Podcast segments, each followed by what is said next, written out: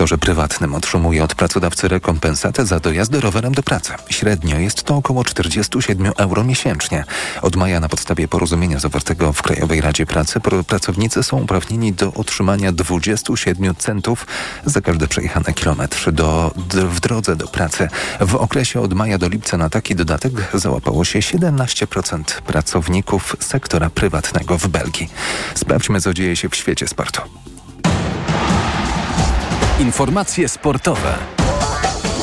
Przemysław Pozowski, zapraszam. Jenny Hermoso nie zagra w zbliżających się meczach kobiecej reprezentacji piłkarskiej Hiszpanii w Lidze Narodów. Selekcjonerka Montse Tome powołała na nie kilka uczestniczek niedawnego mundialu, które Hiszpanki wygrały, choć one same nie ogłosiły zakończenia strajku. Protest piłkarki wszczęły po tym, jak nie wyciągnięto konsekwencji wobec szefa hiszpańskiej federacji Luisa Rubialesa, który w czasie świętowania zwycięstwa na Mistrzostwach Świata zmusił Hermoso do pocałunku. Trwa już ostatni mecz ósmej kolejki naszej piłkarskiej ekstraklasy. W Mielcu Stal podejmuje Zagłębie Lubin i do przerwy prowadzi prowadzi 2 do 1. Gospodarze grają też w przewadze po czerwonej kartce dla Michała Nalepy. Dziś poznaliśmy najnowsze rankingi WTA i ATP wśród tenisistek. Nadal prowadzi Białorusinka Aryna Sabalenka, a druga jest Iga Świątek. U panów lideruje Serb Nowak Djokovic. W cieniu wielkiego sukcesu polskich siatkarzy, którzy w weekend wywalczyli Mistrzostwo Europy, najważniejszy turniej w sezonie rozpoczęły nasze siatkarki. Polki grają w Łodzi o awans na przyszłoroczne Igrzyska Olimpijskie w Paryżu. Na razie jest świetnie. Biało-czerwone po dwóch meczach mają na koncie komplet punktów, o czym więcej teraz Michał Waszkiewicz. Na razie wszystko idzie zgodnie z planem. Na otwarcie turnieju w Łodzi Polki bez najmniejszych problemów pokonały Słowenki 3 do 0. W drugim meczu pojawiło się już nieco więcej błędów. Rywalki się postawiły, ale ostatecznie nasz zespół pokonał Koreę Południową 3 do 1. Mówi dla kanału Polska Siatkówka Środkowa Magdalena Jurczyk. Dziewczyny z Korei fantastycznie broniły. Naprawdę dziewczyny wyciągały takie piłki, że bardzo fajnie się na to patrzyło. Z perspektywy kibica oczywiście. Było ciężko, no ale fajnie, że wróciłyśmy na te swoje tory i wygrałyśmy 3-1. To jednak dopiero rozgrzewka. Z turnieju w Łodzi do Paryża pojadą dwa zespoły. Terminarz tak się ułożył, że nasz zespół zaczyna od czterech meczów z drużynami dużo słabszymi. Jutro pojedynek z Kolumbią, następnie z Tajlandią. Potem jednak będzie dużo trudniej. Najpierw Niemki, potem Amerykanki, na koniec Włoszki. I z tych meczów co najmniej dwa trzeba będzie wygrać. Michał Waszkiewicz, TOK FM. A jutrzejszy mecz z Kolumbią nasze siatkarki zagrają o 17.30. Pogoda. Wtorek to w niektórych regionach zmiana pogodowej aury, zachmurzenie z przelotnymi opadami deszczu we wschodniej połowie kraju, także z burzami. Temperatura maksymalna od 19 stopni nad morzem w rejonach podgórskich do 23 na przeważającym obszarze i miejscami 25 na Podlasiu. Radio TOK FM. Pierwsze radio informacyjne. Mikrofon, Mikrofon Tok FM. Tok FM. Likwidacja Funduszu Kościelnego, zniesienie w kodeksie karnym zapisu o obrazie uczuć religijnych, wyprowadzenie religii ze szkół. To kilka z propozycji wyborczych opozycji dotyczących polskiego kościoła katolickiego. A jak według Ciebie powinna wyglądać relacja państwo-kościół? To jest dzisiejsze pytanie w mikrofonie Radia TOK FM. Wita się z Państwem Małgorzata Wałczyńska, Karolina Kłaczyńska, która program wydaje i Krzysztof Olesiewicz, który go realizuje. Nasz numer telefonu to 22 44 044 22 44 044. Nasz adres mailowy to mikrofonmałpatok.fm. Można do nas oczywiście również pisać na Facebooku, tak już niektórzy z Państwa uczynili. Wystarczy wejść na profil Radia Tok FM i tam widnieje post z naszym dzisiejszym tematem mikrofonowym. Tam też są również pierwsze Państwa komentarze. Czekamy oczywiście na kolejne. Zanim jednak pierwsze Państwa głosy na naszej antenie, widzę, że już Państwo dzwonią, to chciałam jeszcze przywitać naszego gościa. Jest nim profesor Paweł Borecki z Zakładu Prawa Wyznaniowego Uniwersytetu Warszawskiego. Dobry wieczór. Dobry wieczór pani redaktor, dobry wieczór państwu. Panie profesorze, i chciałam trochę uporządkować e, wiedzę na temat tego, o czym tak naprawdę mówimy i co można zmienić, a czego nie, albo co można by było zmienić Gdyby zmieniło się pewne rzeczy, to myślę, że w trakcie rozmowy się wyjaśni. E, więc najpierw chciałam przejść do e, takiej pierwszej kwestii, to znaczy e, konkordat między stolicą apostolską a naszym krajem. Co on właściwie reguluje? Szanowni Państwo, konkordat z 1993 roku jest niedoskonałym aktem normatywnym, ale jest to akt, który został zawarty, został ratyfikowany, wszedł w życie ma bardzo e, silne gwarancje e, konstytucyjne. Konstytucja w artykule 25 ust. 4 przewiduje obowiązek uregulowania relacji między państwem polskim a stolicą apostolską w drodze umowy międzynarodowej. Więc podstawy konstytucyjne konkordatu są bardzo stabilne, bardzo silne.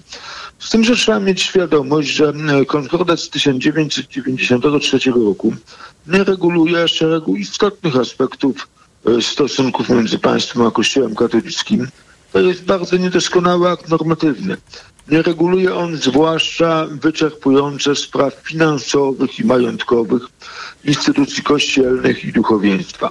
Nie reguluje na przykład tak istotnej kwestii jak klauzula sumienia, jak mm, e, przestępstwo, no chociażby wspomniane tutaj przez Państwo przestępstwo tak zwanej obrazy uczuć religijnych. Nie reguluje też, proszę Państwa, kwestii e, teraz e, szczególnie istotnej, mianowicie ochrony e, danych osobowych w ramach Kościoła katolickiego. Natomiast jeżeli już umowa międzynarodowa została zawarta, to zgodnie z zasadą prawa naturalnego, że umów należy dotrzymywać, konkordat powinien być przestrzegany. Oczywiście, ponieważ konkordat ma szereg sformułowań ogólnych, klauzul generalnych, może państwo e, starać się przeprowadzić korzystną dla siebie interpretację y, ogólnych y, sformułowań konkordatu. Może konkordat doprecyzować Poza tym proszę pamiętać, to jeszcze że jest tylko jeszcze... w takim razie tak? jedno pytanie, bo jeżeli pan wymienił najpierw jednak rzeczy, których nie reguluje, czyli właśnie kwestie finansowe, tak. majątkowe, klauzule sumienia, obrazy uczuć religijnych, y, to oznacza w takim razie, rozumiem, że gdyby mm, zmieniły się za sterami y, osoby rządzące w naszym kraju, to mogłyby rzeczywiście wprowadzić zmiany w tym zakresie i nie wymagałoby to y, ingerencji w tę umowę pomiędzy Watykanem Watykanem a Polską. Tak, tylko proszę pamiętać o tym, że po pierwsze trzeba wybory wygrać, po drugie trzeba utworzyć stabilny rząd. Po trzecie, proszę pamiętać, że mamy taki, a nie inny skład obecnie Trybunału Konstytucyjnego. I trzeba mieć e, świadomość, że wszelkie ustawy e, czy inne akty normatywne przyjęte przez rząd, utworzone przez ugrupowania obecnej opozycji, która, podkreślam, nie jest jednolita w sprawach wyznaniowych. Zwracam uwagę na bardzo niejednoznaczną e, postawę Polskiego Stronnictwa Ludowego. W mojej ocenie to jest potencjalny swoisty kontrol. Jeżeli chodzi o program wyborczy, to po prostu jest to postawa milcząca. Nie ma żadnej, tak, żadnej informacji na temat no, tego, co tym, e, jest to by sobie PSL wyobrażał. E, tak, może być i w jedną i w drugą stronę, w zależności od y, bieżącej sytuacji.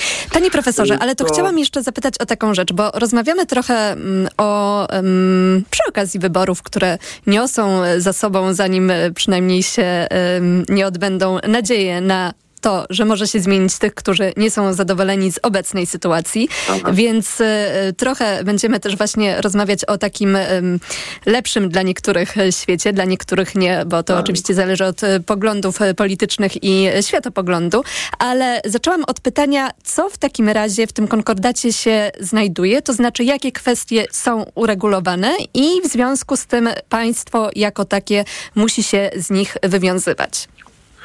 E, proszę Państwa, po pierwsze jest zagwarantowana nauka religii katolickiej w szkołach i przedszkolach publicznych, ale nie ma określonego, w jakim wymiarze ta y, nauka ma się odbywać. To może być jedna godzina tygodniowo, to może być jedna godzina w miesiącu, e, to mogą być dwie godziny e, tygodniowo, tak jak jest to obecnie, z tym, że reguluje to rozporządzenie ministra edukacji narodowej jeszcze z 1992 roku. Mamy, proszę Państwa, i to jest w sumie chyba największy plus dla Polaka Szaraka, Polaka katolika, to jest instytucja małżeństw wyznaniowych. Ja jeszcze chciałam się tylko na sekundkę zatrzymać w takim razie przy tej kwestii dotyczącej szkoły, czyli na tak. przykład taki postulat, który teraz ma e, Koalicja Obywatelska dotyczący tego, żeby e, te lekcje religii odbywały się e, na początku, to znaczy przed innymi lekcjami, albo na końcu, to znaczy, żeby nie musiały mieć jakichś okienek osoby, które na takie lekcje nie uczęszczają. Tak. Nie jest to uregulowane konkretnie w konkordacie jest do wprowadzenia? Konkordat tego nie reguluje, pani redaktor. Konkordat mówi tylko, że lekcje religii mają odbywać się w ramach planu zajęć szkolnych i przedszkolnych, a plan zajęć e, przewiduje, że dzień szkolny ma początek i koniec. A czy w takim razie... E, lekcje religii mogą być na końcu i mogą być na, koń- na początku. To też jest dzień szkolny. A czy taki postulat, jaki ma Lewica, czyli wyprowadzimy religię ze szkół do salek katechetycznych, czy to już wymagałoby jakiejś ingerencji w to? Tak. To jest na razie, jeżeli nie zmieni się konkordat, jeżeli nie zmieni się artykuł 50 e, ustęp czwarty Konstytucji, który przewiduje możliwość nauczania e, w, e, w szkole religii każdego związku wyznaniowego, który w Polsce jest legalny, to jest political fiction, to jest demagogia, proszę Państwa. Czy to jeszcze, żebym tylko dobrze zrozumiała, czy szkoły mają taki obowiązek, żeby te lekcje religii były? Powiedzmy, mamy jakieś konkretne Jeżeli placówki?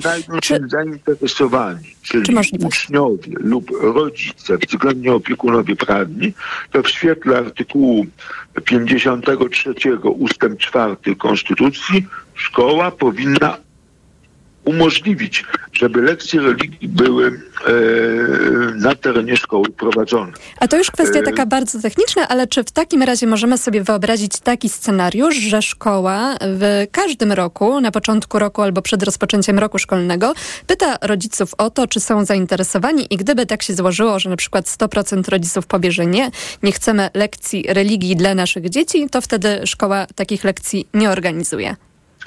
Tak, oczywiście. E, tylko, taka, tylko takie zapytanie jest możliwe. Nie można domniemywać, tak jak się to odbywa niekiedy w polskich szkołach, że wszyscy chcą chodzić na religię, w szczególności katolicką, z wyjątkiem tych, którzy się zadeklarują, że chodzić nie chcą. Ujawnią się, e, wykażą pewien heroizm.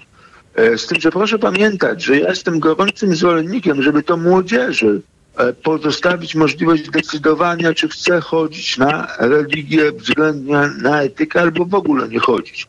To znaczy uważam, że na przykład można by przyjąć model niemiecki, gdzie od 14 roku życia młody człowiek może nie tylko samodzielnie wybrać, czy chce chodzić na religię, czy nie, ale nawet mm, wybrać, czy należy do danego kościoła w obliczu państwa, czy nie należy, bo to jest rozwiązanie niemieckie. Mhm. Dobrze, to mamy już omówione kwestie dotyczące nauki religii w szkołach i teraz przechodzimy do kolejnego punktu dotyczącego małżeństwa. Tak. Zamieniam się w słuch. Tak, tak, tak słucham, słucham. Więc tak, proszę Państwa, zgodnie bodaj z artykułem e, gdzieś e, 12 albo 10, już w tej chwili nie pamiętam konkordatu, e, e, małżeństwo e, wyznaniowe, kanoniczne wywołuje skutki cywilne pod warunkiem spełnienia pewnych przesłanek enumeratywnie określonych w konkordacie. Tylko proszę pamiętać, że tego rodzaju uprawnienie posiada nie tylko Kościół katolicki, ale również, no bodaj, dziesięć innych kościołów i jeden związek wyznaniowy, Związek Gmin Wyznaniowych Żydowskich. I co to w praktyce zdania, oznacza? Generalnie jestem zwolennikiem, żeby, e, no ale to trzeba byłoby zmienić konkordat i ustawy, odpowiednio kodeks rodzinny i tak dalej, żeby ślub cywilny był ślubem cywilnym i równolegle były śluby wyznaniowe, które nie wywołują skutków na gruncie prawa państwowego. No ale mamy to, co mamy, w związku z tym e, postuluję, żeby to, to uprawnienie rozszerzyć także na inne zainteresowane związki wyznaniowe, przynajmniej te działające na podstawie ustaw szczegółowych. Na przykład e, muzułmański związek religijny, na przykład karaimski związek religijny tak dalej. Rozumiem. To jeszcze jeżeli chodzi o konkordat, to um, um, również w nim przewidziano, określono dni świąt kościelnych, ustanawiając je jednocześnie takimi dniami wolnymi od pracy.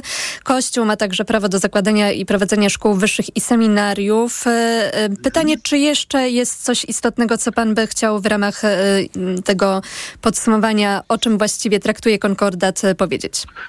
Proszę Państwa, no warto zwrócić uwagę, że konkordat przewiduje istnienie duszpasterstwa wojskowego, natomiast konkordat nie określa w żadnym wypadku, reguluje to rozkaz ministra, ministra obrony narodowej, że y, ordynariat polowy Wojska Polskiego jest, jest wmontowany w struktury Ministerstwa Obrony Narodowej, że kapelani wojskowi są jednocześnie funkcjonariuszami resortu, e, są oficerami. Tego konkordat nie przewiduje, to jest decyzja w drodze rozkazu, nawet nie ustawy, rozkazu ministra obrony narodowej.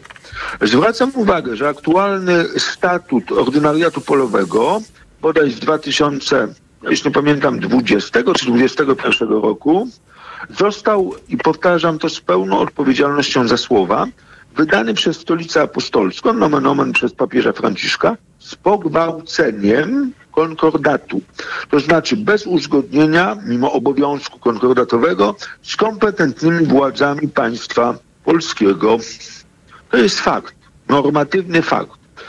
Proszę Państwa, w związku z tym konkordat na przykład nie przewiduje, że kapelani wojskowi mają być opłacani z budżetu państwa że mają być oficerami, funkcjonariuszami resortu.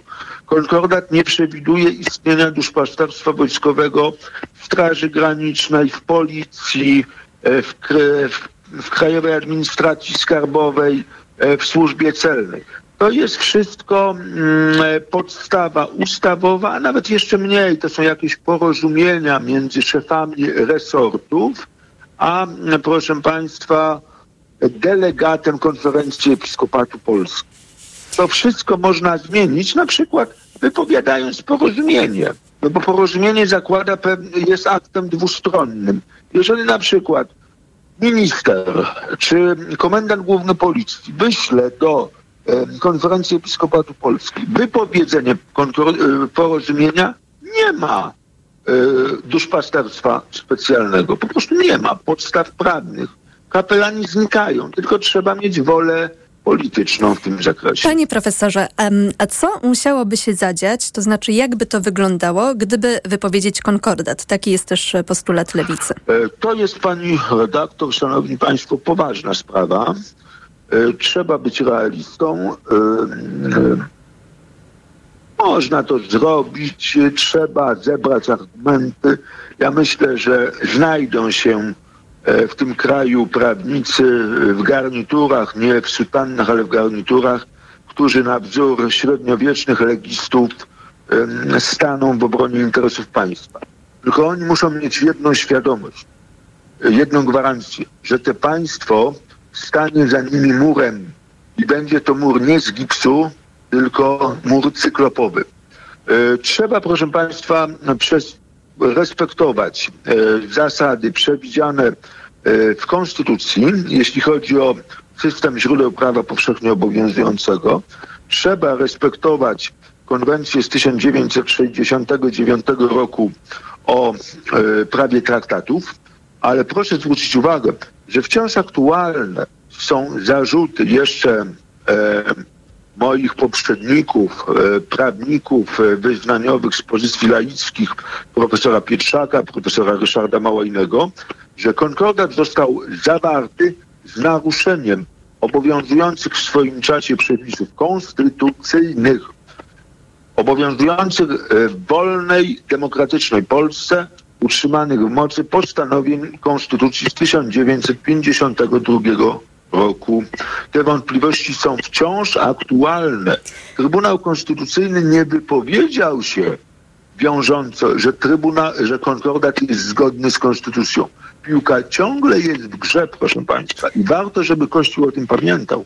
Panie profesorze, ale to co w takim razie oznacza to w praktyce? To znaczy, tak jak pan powiedział, że byłoby to bardzo trudne, no ale powiedzmy, załóżmy, że właśnie co musiałoby się zadziać, czy też jak taka droga w skrócie oczywiście by wyglądała? Proszę Państwa, musi być wyraźna większość e, parlamentarna, musi być wyraźna e, większość e, polityczna po stronie różnych organów państwa, jeżeli to ma być skuteczne. Po pierwsze, musi być większość konstytucyjna w parlamencie. E, Po drugie, musi być wola po stronie rządu, ponieważ to rząd zawiera i wypowiada umowy międzynarodowe. E, znaczy prezydent Rzeczpospolitej, ale rząd tym uczestniczy. Musi e, parlament musi najpierw znowelizować artykuł 25 ustęp 4 Konstytucji, wprowadzić nie obowiązek zawarcia konkordatu, ale możliwość zawarcia konkordatu. Po drugie, następnym etapem byłoby e, wystąpienie e, do upoważnienie, e, znaczy wystąpienie prezydenta Rzeczpospolitej e, o, no w tej chwili tak na szybko myślę, e, ale ja o tym pisałem szczegółowo w swoim artykule naukowym na ten temat. E, prezydent musi mieć zgodę e, Sejmu i mm, parlamentu na e, wypowiedzenie umowy międzynarodowej. Nawet jeśli będzie tą zgodę miał, to musi prezydent chcieć wypowiedzieć konkordat, bo Sejm, parlament wyraża jedynie zgodę, nie może nakazać prezydentowi wypowiedzenia konkordatu. Załóżmy, że prezydent ma taką wolę, prezydent wypowiada konkordat, Następnie proszę pamiętać, że ustawa upoważniająca prezydenta do wypowiedzenia konkordatu jako ustawa może być zaskarżona do Trybunału Konstytucyjnego przez na przykład co najmniej 50 posłów. Dobrze, Ja ale Państwu załóżmy, żeby to... tłumaczyć, że Trybunał Konstytucyjny w Polsce poczynając od 1991 roku jest bardzo życzliwy Panie dla profesorze? Kościoła katolickiego i religii w ogóle. Panie profesorze, ale, przepraszam, ale chciałam dopytać, załóżmy, że jednak rzeczywiście te wszystkie przesłanki i okoliczności, o których pan wspomina i o które no pewnie w obecnej sytuacji i rzeczywistości trudno, ale jednak zostałyby spełnione, to co z perspektywy takiego obywatela zwykłego, obywatelki zwykłej Polski by to oznaczało, gdyby wypowiedzieć konkordat? Proszę Państwa, wcale tak wiele by się nie zmieniło. Wcale tak wiele by się nie zmieniło, ponieważ Kościół ma gwarancję nie tylko na poziomie konkordatu. Ja Państwu mówiłem przed chwilą, że konkordat jest ogólny, wielu rzeczy nie reguluje. Gwarancje są konstytucyjne. Otóż, proszę Państwa, mm, gdyby konkordat wypowiedzieć, no to tak naprawdę niewiele się zmienia. Proszę mi wierzyć. To No, przejdźmy w no takim razie. Musi wrócić do Rzymu. E, Ja powiem tak, e, nie będzie, nie będę płakał po nuncjuszu. E, Mamy, proszę Państwa, wolny pałacyk przy Alei Szucha. Stanowcze za blisko siedziby Trybunału Konstytucyjnego. To osobna kwestia. Dalej, proszę Pani, Kościół nadal ma gwarancję finansowania Funduszu Kościelnego, nadal ma gwarancję finansowania uczelni kościelnych, nadal ma finansowane nauczanie religii w szkołach. To przejdźmy w takim razie do tych kwestii finansowania i funduszu kościelnego, bo to jest też ten postulat, który pojawia się chyba najczęściej, jeżeli chodzi o obietnice wyborcze partii opozycyjnych. I gdyby pan powiedział w takim razie, jak to wygląda, to znaczy na ile pieniądze płynące z, płynące z funduszu kościelnego, bo płyną przecież nie tylko do Kościoła katolickiego w Polsce, są ważnym źródłem finansowania dla Kościoła katolickiego i e, co by... e, co można by było w ramach alternatywy, jeżeli chodzi o sposób finansowania Kościoła, tutaj e, zadziałać w tym temacie? Proszę Państwa, zabrzmi to paradoksalnie. Fundusz Kościelny wcale nie dla Kościoła katolickiego jest e, szczególnie istotny. I nie Kościół katolicki będzie e, występował e, szczególnie zażarcie w jego obronie. E, zwłaszcza bogate archidiecezje typu e, krakowska, na przykład tarnowska, warszawska i tak dalej, i tak. Najbardziej w obronie Funduszu Kościelnego by, będą występować i już występują, tylko o tym się nie mówi, bo zawsze miło jest się prezentować jako bita, zahukana mniejszość, kościoły i związki wyznaniowe nierzymskokatolickie na czele z kościołem prawosławnym na przykład. Dlatego, proszę Państwa, że dla tych wyznań środki Funduszu Kościelnego są bardzo istotne. To są wyznania e, relatywnie nieduże. Kościół katolicki jest bogaty, ma dużo nieruchomości, no bo przecież e, Komisja Majątkowa tyle przekazała Kościołowi i nadal Kościół może na ziemiach północnych i zachodnich uzyskiwać nieruchomości. Natomiast mm, wyznania nierzymskokatolickie żyją w diasporze, mają duże koszty stałe. W wielu tych wyznaniach jest, o tym się nie mówi, duży klerykalizm, jest nadreprezentacja, nadmiar duchowieństwa w stosunku do potrzeb wiernych, na przykład w kościele prawosławnym. Oni z czegoś muszą żyć, z czegoś muszą opłacać składki ubezpieczeniowe. E, wpłaci za nich państwo. E, wszystkie legalnie działające w Polsce związki wyznaniowe są niezależnie od tego, czy państwo im kiedyś przejęło nieruchomości, czy im nie przejęło, wszystkie dostają dofinansowanie z Funduszu Kościelnego. To jeśli nie e, Fundusz e, Kościelny... Kościół katolicki ma stosunkowo dużą część duchowieństwa zetatyzowaną jako katechetów, jako, proszę państwa, kapelanów w instytucjach publicznych, więc oni dostają swoje pensje i składki na ubezpieczenie społeczne i zdrowotne są płacone tak jak innym pracownikom czy funkcjonariuszom z ich pensji. Więc Fundusz Kościelny tu nic nie płaci. Więc proszę Państwa, proszę mi wierzyć. Ja wiem, że to się może nie przebija do opinii publicznej, ale gorącymi bojownikami o utrzymanie Funduszu Kościelnego będą i są rzymskokatolickie kościoły i inne związki wyznaniowe. A czy wiadomo tak procentowo o jakiej kwocie mówimy? To znaczy y, ile pieniędzy z Funduszu Kościelnego procentowo właśnie y, do Kościoła katolickiego idzie do tej skarbonki, a y, ile mają pieniędzy z innych sposobów finansowania środków? Proszę Państwa, trzeba byłoby się przyjrzeć. Mój kolega, bardzo rzetelny badacz, obiektywny, E, ksiądz profesor Dariusz Walencik dotarł kilka lat temu do szczegółowych danych dotyczących Funduszu Kościelnego, e, opublikował to. E, ja w tej chwili tego nie pamiętam, ale te dane są. Rozumiem. Te dane są. To w takim tak, razie... Tak, że Mhm. Y, to, to, to oczywiście do sprawdzenia w takim razie. Natomiast pytanie w takim razie, jeżeli chodzi o propozycje również, które się pojawiają dotyczące Kościoła właśnie w tym wymiarze gospodarczym i na przykład Koalicja Obywatelska ma zakaz finansowania z pieniędzy publicznych działalności gospodarczej diecezji, parafii, zakonów i innych elementów gospodarczych kościołów. Y, potem w uzasadnieniu y, pojawia się wątek Tadeusza Rydzyka i że oni, takie osoby, tacy biznesmeni powinni sobie radzić bez pieniędzy pochodzących z podatków obywateli. No i właśnie Lewica też wspomina o tym finansowym rozdziale Kościoła od państwa. Tutaj też ma na myśli Fundusz Kościelny, ale pisze też o przywilejach i choćby o przekazywaniu kościołom nieruchomości nieodpłatnie lub za bezcen. Więc chciałam zapytać ewentualnie o takie zmiany na tym polu gospodarczym, które by w jakiś sposób no, dotknęły Kościół katolicki najbardziej. Proszę Państwa, rzeczywiście E, w tej chwili e, kościoły i związki wyznaniowe, jeżeli działają jako przedsiębiorcy, a mogą to robić, e, funkcjonują z naruszeniem zasady równości przedsiębiorców. Proszę sobie wyobrazić, że z tytułu prowadzonej działalności gospodarczej dochody kościołów i związków wyznaniowych, wszystkich, nie tylko kościoła katolickiego, wszystkich, E, co prawda kościoły mają obowiązek płacenia podatku dochodowego od osób prawnych, ale skala zwolnień z tego podatku jest tak liczna i te zwolnienia są tak ogólnie sformułowane,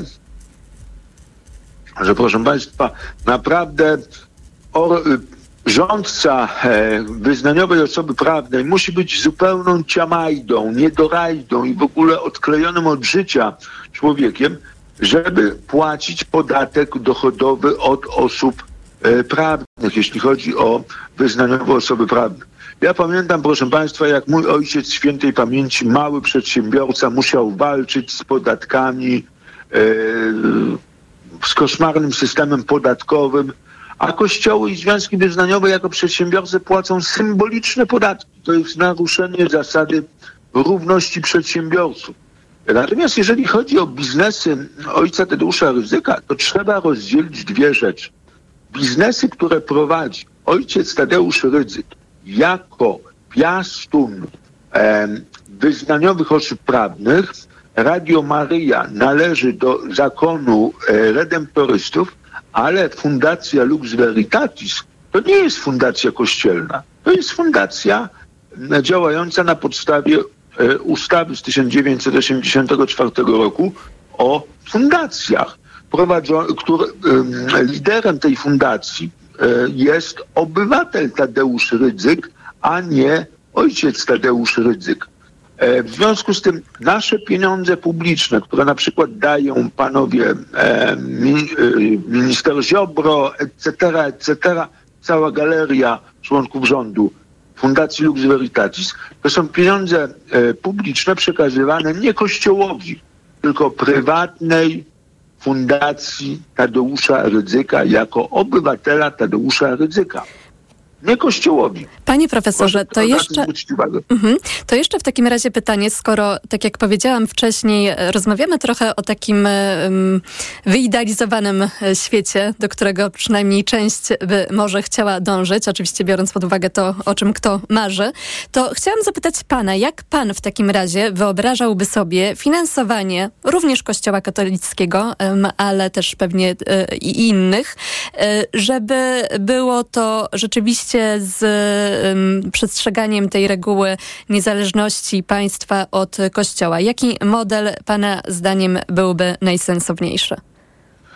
Proszę Państwa, no cóż, no, każdy ma pewne ideały. Dla mnie ideałem jest model amerykański. O tym się nie mówi, bo my jesteśmy w Europie. W Europie jest silnie zakorzeniona e, tradycja kościoła państwowego, taka czy inna, nawet w laickiej Francji. E, natomiast mój ideał oddaje takie powiedzenie: wolny kościół w wolnym państwie. Również kościół wolny pod względem finansowym. Powtarzam to, co mówiłem w, zeszły, w poprzedni czwartek na konferencji w rezydencji arcybiskupów warszawskich. Finansowe instrumenty wpływu są bardzo skuteczne i państwa wobec kościoła, i męża wobec żony, i rodziców wobec dzieci. Bardziej skuteczne e, możliwości wpływu to jest już chyba tylko przemoc, przemoc psychiczna czy przemoc e, fizyczna. E, kto daje pieniądze, ten wymaga przynajmniej, żeby beneficjent milczał. Się mieści w ramach pojęcia przemocy finansowej, to tak tylko na marginesie, ale w takim razie proszę powiedzieć, jak e, ten model amerykański wygląda, który Pana zdaniem by się najlepiej sprawdził? E, Kościół finansuje się z ofiarności swoich wiernych i z własnego majątku. Ewentualnie może otrzymywać, e, korzystać z, z profitów prawno-podatkowych. Uwaga, pod warunkiem, jeśli nie angażuje się w działalność polityczną. Jeżeli prowadzi działalność polityczną, traci przywileje podatkowe. Proste. Ten model, proszę Państwa, funkcjonował w Polsce na przykład w okresie prymasostwa e, Stefana Wyszyńskiego i Józefa Glempa do 1989 roku. Prymas Glemp e, prymas Wyszyński w 1961 roku, kiedy wyprowadzono religię ze szkół ale władze państwowe chciały płacić katechetom w punktach pozaszkolnych pensje i ubezpieczenia, zabronił katechetom katolickim pobierania pensji od państwa. Dlatego, żeby byli niezależni. I Kościół był niezależny w dużym stopniu. Ja o tym mówię. Tylko dzisiaj, dzisiaj prymasa Wyszyńskiego wynosi się na ołtarze, natomiast zapomina się o pewnych nie mówię, że jest ideałem, bo wszyscy jesteśmy ludźmi. Natomiast troszczył się o niezależność, wolność Kościoła w stosunku do państwa. I warto do tego wrócić. Wolny Kościół w wolnym państwie. A co Kościół by na tym, ten nasz polski zyskał, gdyby do tego doszło? Pani redaktor, ja myślę, że to jest pewien ideał. E, już krokiem w dobrym kierunku byłaby tak, tak zwana asygnata podatkowa, czyli dobrowolny odpis podatników na wybrany, uprawniony kościół i związek wyznaniowy, na przykład 1,5% e, podatnik decyduje w swoim picie, jakiemu kościołowi, związkowi wyznaniowemu te 1,5% chce przeznaczyć. Co to spowoduje? Spowoduje to, proszę Państwa, że ożywi się rynek religijny. E, Kościoły, takich organizacji pozarządowe, gdy będzie zbliżał się termin składania pitów, zaczną się reklamować. E, Obywatele w ogóle się dowiedzą, że pewne wyznania w ogóle istnieją. E, Po drugie, kościoły będą musiały się troszczyć o swój wizerunek. To znaczy szybko usuwać ze swoich szeregów czarne owce, jakichś, no nie wiem, pe pedofilów, malwersantów, skandalistów, bo po prostu nie dostaną pieniędzy od y, podatników. Nie wyobrażam sobie, żeby y, władze y, kościołów i innych związków wyznaniowych nie publikowały co roku sprawozdań y, poświadczonych przez biegłych rewidentów z wykorzystania kwot otrzymanych w ramach asygnaty podatkowej. E, Podobny system funkcjonuje w Hiszpanii i we Włoszech na przykład. I tam konferencja episkopatu Hiszpanii czy konferencja episkopatu Włoch regularnie co roku publikują sprawozdanie z kwot otrzymanych od podatników, proszę Państwa. Nikogo to nie dziwi. E, więc, y, mm, a proszę pamiętać, to nie będą wielkie, to nie będzie jakiś nie wiadomo co w budżecie kościoła y, katolickiego. To tylko 1,5% e, od podatników, który zastąpi fundusz kościelny. A znacznie ucywilizuje relacje między obywatelami i kościołami. Chociaż jak Nie pan tak wymienił, jak pan Musi przecież dać na swój kościół. Mhm. Jak pan tak wymienił, co by to zmieniło, moje pytanie dotyczyło tego, co by to dało Kościołowi, to nie wiem, czy tak w pierwszej e, chwili każdy pomyślał, że Kościół by tutaj tego chciał, gdyby musiał się bardziej starać, ale to już tak na marginesie. Panie profesorze, bardzo dziękujemy. By- Był z nami dziękuję, profesor dziękuję. Paweł Borecki z Zakładu Prawa Wyznaniowego na Uniwersytecie Warszawskim. Ja przypomnę nasz e, temat dzisiejszy mikrofonu. Likwidacja Funduszu Kościelnego, zniesienie w kodeksie karnym zapisu o obrazie uczuć religijnych, wyprowadzenie religii ze szkół. To kilka z propozycji wyborczych opozycji dotyczących polskiego kościoła katolickiego.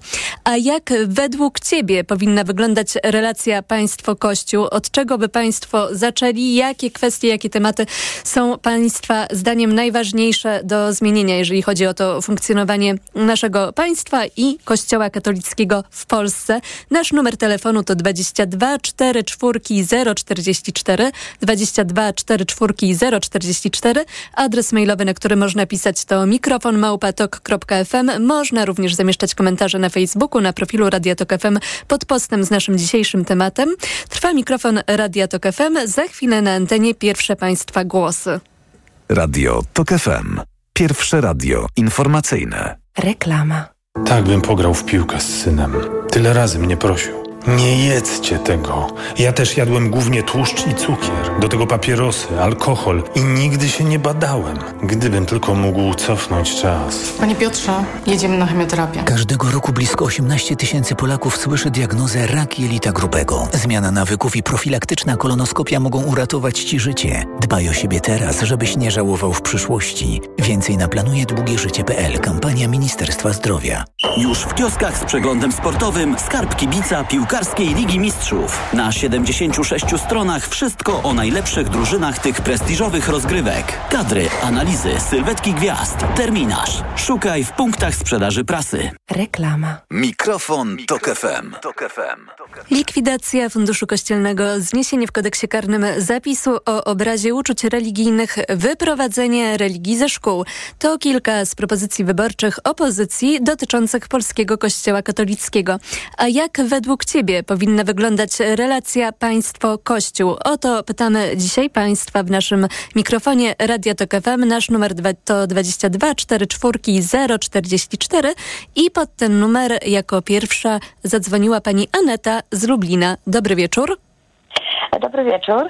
Jestem na antenie, tak? Tak jest. No. Dobrze, y, pozdrawiam serdecznie. E, Bardzo ciekawy temat y, i na czasie. To znaczy, y, ten pan, ten pan profesor, co wcześniej się wypowiadał. Profesor Borecki Paweł Borecki, tak jest. Tak, tak.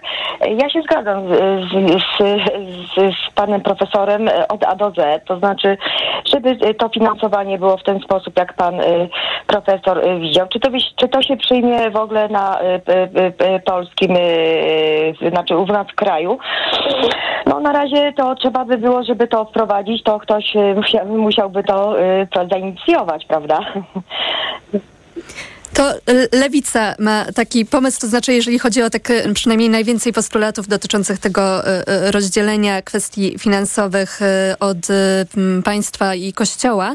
Natomiast w takim razie rozumiem, że dla I pań... finansowanie też, tak, żeby to było z, z, od wiernych, żeby wierni to finansowali, zarówno związki wyznaniowe, jak i Kościół katolicki, tak, żeby wierni swojego wyznania finansowali, finansowali ze, znaczy po prostu wierni finansowali swoje związki wyznaniowe, czy, czy, czy mówię y, Kościół katolicki, tak? Dobrze myślę? Mhm. Y, Lewica tak myśli, tak?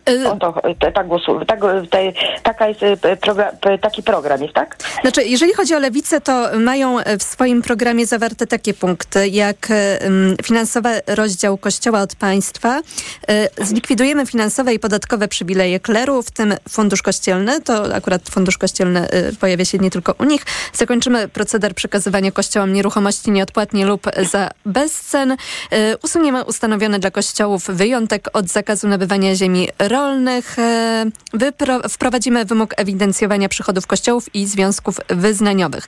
To tyle, jeżeli chodzi właśnie o te kwestie e, finansowania, natomiast e, no, najwięcej Przychód, przychód, przepraszam, że wejdę w słowo. Przychód to znaczy przychód, bo to, to, to nie dosłyszałam tego ostatniego. Przychód. Wprowadzimy wymóg ewidencjowania, ewidencjonowania przychodów kościelnych i związków wyznaniowych, czyli żeby można było e, że, rzeczywiście e, widzieć, e, jak, e, jakie źródła finansowania są, jeżeli chodzi o Kościół. Ale No to w tak, takim to razie, oczywiście. Pani Aneto, chciałam się zapytać, czyli Pani o to, czyli dla Pani taką najważniejszą kwestią, jeżeli chodzi o obecne relacje mm, na tej linii państwo-kościół, to są te kwestie dotyczące właśnie finansowania kościołów z budżetu państwa i od tego chciałaby Pani zacząć jakieś zmiany? Y, To znaczy tak, y, wsłuchując się w głosy pana profesora, który, y, z, z którym się z, zgadzam w ogóle, tak jak powiedziałam na początku, to znaczy tu jest wiele spraw na pewno, które się wiążą, ale najbardziej mi, mi się spodobało, bo tam były systemy podane w różnych krajach, zwróciłam uwagę na słowo, żeby ludzie, którzy należą do jakiegoś związku wyznaniowego, jeżeli byłyby by podatki, y, tam chodziło o jakiś chyba podatek, przepraszam, że tak mówię chyba, bo mogłam, y, mogę nie sprecyzować jakiegoś słowa. Y, Myśl znam, y, wiem o co mi chodzi, natomiast y, chodzi o to mi, że wtedy związki, jeżeli jest na przykład czarna owca, to na przykład precz tam są drzwi. To, to, czy to nie, od- nie tak Czyli przemówiło, ale- przemówił do, do Tak, Pani ten argument dotyczący tak, powinno być. finansowania kościoła tylko przez wiernych, bo wtedy, tak jak właśnie powiedział pan profesor y, mm, Paweł Borecki, ten przykład, który przytoczył, y, kościoły Tak, by bardziej jasne, dbały o swój klarowne, wizerunek. Białe, czarne. Tak powinno być. Białe, czarne. Y, Wszystko białe, bi- biało-czarne. Nie ma nic pośrodku. Czyli jesteś ze związków wyznaniowych, masz, de, co tam deklaruje się, co, jaki jest dekalog, wykazujesz się w tym. Jeżeli nie spełniasz, do widzenia, bo wtedy jeżeli dochodzi do jakichś wyborów, czyli jest wszystko klarowne, jasne, wtedy wiadomo, y, jeżeli i, wszystko jest na świeczniku i wtedy widać. I wtedy y, bardziej ludzie się starają i, te, wtedy związek, wyznanio, y, związek wyznaniowy czy Kościół katolicki bardziej dba o swój wizerunek i o to, żeby pokazywać to, kim oni są i kto jest kim, a nie, że jest tak, katolicyzm modli się pod figurą, a ma diabła za skórą. I, i jeszcze wyjdzie dalej i można grzeszyć dopóki, dopóki y, się da, a potem się pójdzie rozgrzeszyć. Nie ma żadnego rozgrzeszenia, najpierw zadośćuczynienie i żal. A gdzie jest rozgrzeszenie i żal? Ile draństwa się dzieje na każdym kroku? Gdzie są ci katolicy? Y, Należą, tyle ludzi należy do, do kościoła, do tej organizacji katolickiej. Niech wyjdą, niech pokażę. Ciągle widzę, ciągle ja walczę, ciągle ja pokazuję. Gdzie są ci ludzie? Ja nie należę do kościoła katolickiego. A dlaczego ja pokazuję? Bo jestem człowiekiem prawdziwym. Takich ludzi potrzeba w kraju, żeby Aneto, pokazali się, po jakiej stronie są, czy po białej, czy po czarnej. Nie ma się środka. Pani nie ma Aneto, pośrodku. pani My to wykorzenieni Aneto, razem z tym dajmy szansę e, innym osobom, A, które Ja skończyłam. do A ja, kochana pani, skończyłam. zadzwoniłam. Zmieściłam się, zmieściłam się. Dziękujemy, że pani e, zabrała głos. E, Pani Aneta z Lublina podkreśliła, że dla niej najważniejsze są kwestie finansowania kościoła, a na adres mikrofon małpatok.fm napisała pani Urszula i napisała tak. Witam. Na temat dzisiaj poruszany napisał już Tadeusz Kościuszko. No i tutaj cytat. Kościół winien być oddzielony od państwa, nie wolno mu zajmować się kształceniem młodzieży. Naród winien być panem własnego losu i jego prawa powinny być nadrzędne wobec praw Kościoła. Żadna religia nie może, ich przeczy, nie może im przeczyć, odwołując się do prawa boskiego. Przeciwnie, każda religia powinna być posłuszna prawom ustanowionym przez naród. Księża będą zawsze wykorzystywać ciemnotę i przesądy ludu. Będą posługiwać się religią jak maską, pod którą kryje się obłuda i zbrodniczość ich poczynia, poczynań.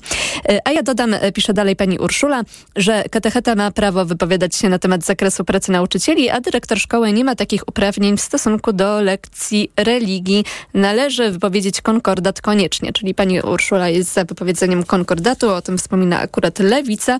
Nasz numer to 22 44 044. My dzisiaj państwa pytamy, jak e, państwa zdaniem powinny wyglądać relacje państwo-kościół, od czego by ewentualnie państwo zaczęli jakieś zmiany na tej linii, jeżeli w ogóle oczywiście uważają państwo, że takie są potrzebne, bo również na głosy tych słuchaczy i tych słuchaczek, którzy, które uważają, że wszystko jest tak jak należy i zmian wprowadzać nie trzeba, czekamy. 22 44 044 jest z nami teraz pani Ewa z Warszawy. Dobry wieczór. Dobry wieczór.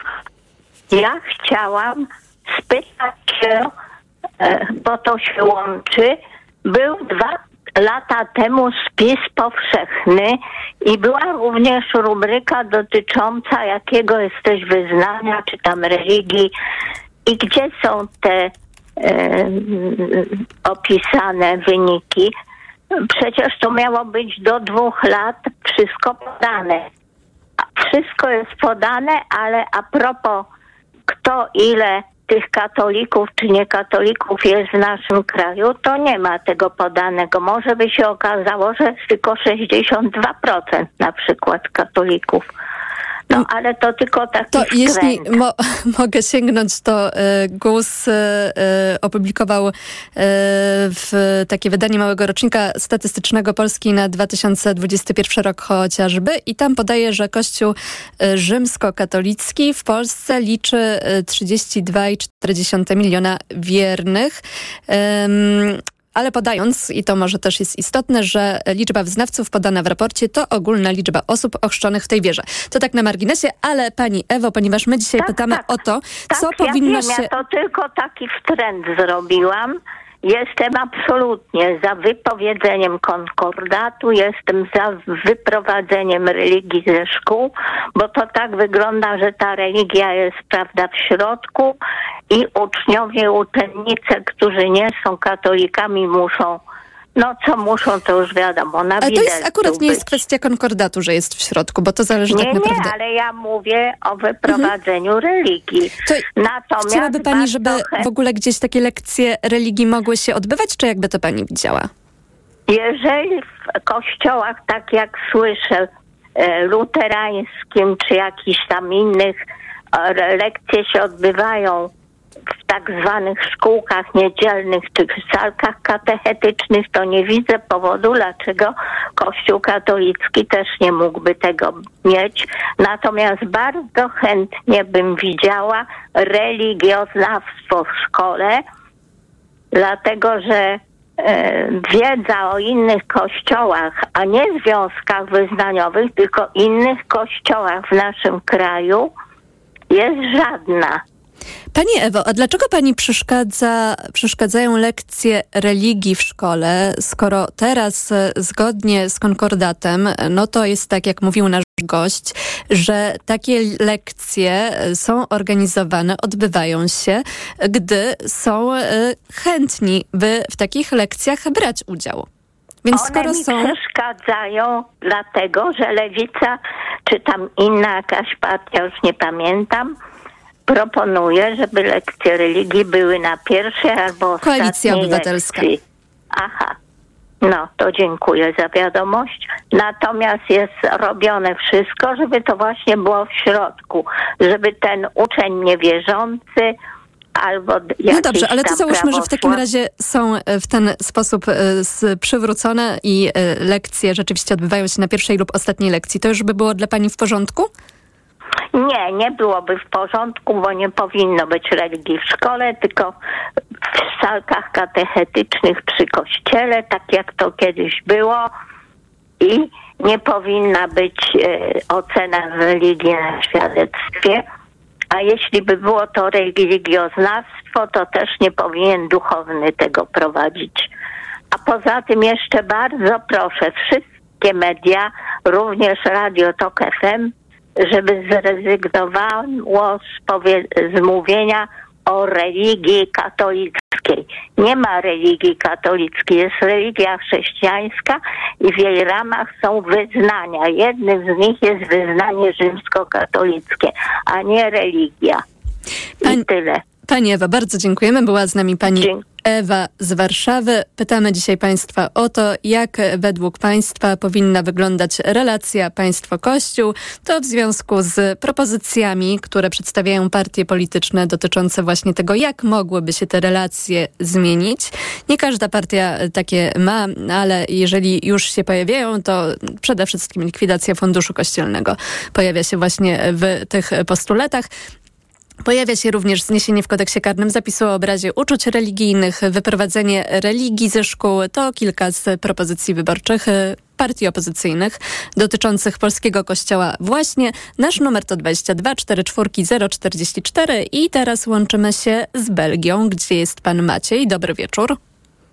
E, dobry wieczór. E, Panie Macieju, jak według pana powinny wyglądać te relacje państwo-kościół w Polsce? E, to znaczy, ja bym chciał nawiązać do nauki religii w szkole i mam o tyle szczęście, że nie mieszkam w Polsce, a mieszkam w Belgii.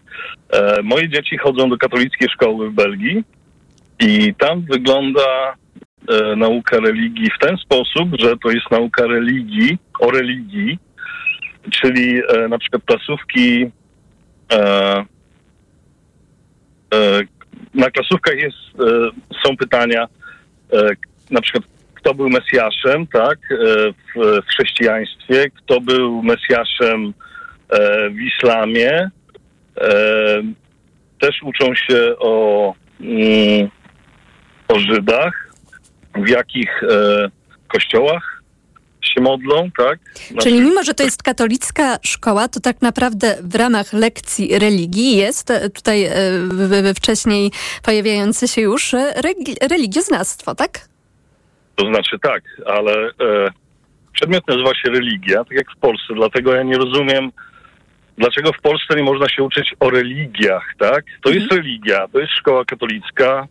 Nie wiem, na przykład u mojego syna w klasie jest dwóch muzułmanów i oni też chodzą na religię, tak? Oni, oni się uczą o religiach. Nie ma tam, nie wiem, modlitw. E, nie wiem, czy Belgia ma podpisany konto, e, konkordat z, e, z, e, z Watykanem, tak? Ale generalnie religia polega na tym, żeby uczyć się o religiach. Także w ten sposób to wygląda. A jest coś jeszcze, jak pan patrzy z tej perspektywy zagranicznej na Polskę i to, jak wyglądają te relacje między państwem a kościołem, co uważa pan, że powinno się zmienić? Hm, nie wiem, ale przed COVID-em byliśmy na mszy z moimi dziećmi i moje dzieci to były jedyne dzieci w kościele. Także byliśmy pierwszy raz w tym kościele, katolickim oczywiście. E, jak wyszliśmy, no to ja nie wiem, średnia wieku była 40-45 lat. Wszyscy nas witali. Ja nie znam e, języka niderlandzkiego na tyle, żeby się modlić, a moje dzieci znały modlitwy, tak, czyli się modliły. E, no to było takie trochę dziwne, bo dzieci nie było w kościele.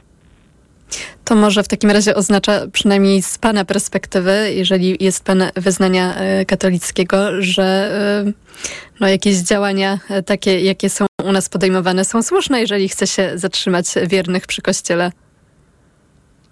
Moim zdaniem, jeśli ktoś jest wierny, tak, to powinien chodzić do kościoła, ale ja nie mam nic przeciwko religii w szkole z perspektywy mojej, tak, tak jak to wygląda w Belgii. Dzieci się uczą różnych wyznań, czy Hindusi, czy Żydzi, czy e, muzułmanie, czy katolicy. E, w szkole podstawowej na 18 dzieci, powiedzmy, nie wiem, ośmioro było muzułmanów, e, dwoje było prawosławnych i reszta katolicy, czy tam chrześcijanie, tak, załóżmy. I na przykład prawosławni z chrześcijanami mieli razem zajęcia z religii, muzułmani mieli oddzielnie, ale też e, muzułmanin przychodził na religię do chrześcijan, chrześcijanie przychodzili na e, religię, w cudzysłowie, e, do muzułmanów, tak?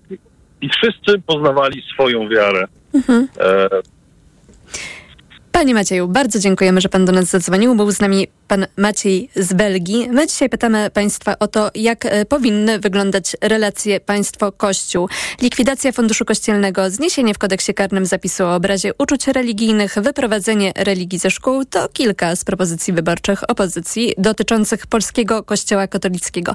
Od czego by Państwo zaczęli zmiany, jeżeli Państwa zdaniem takie zmiany są potrzebne? Które kwestie dotyczące m, takiego zazębiania się wątków kościelnych e, i, i, świeckich e, u nas najbardziej Państwu przeszkadzają? Co warto było zmienić, żeby e, do takiego rozdziału państwa od kościoła rzeczywiście w praktyce doszło? O to dzisiaj Państwa pytamy. Nasz numer to 22 44 044. Nasz adres to mikrofonmałpatok.fm. Można również pisać na Facebooku, na profilu Radia Tok FM pod postem z naszym dzisiejszym pytaniem. Za chwilę informacje Radia Tok FM, na które zaprasza już Państwa Marcin Grzebielucha, a po nich wracamy z programem na antenę.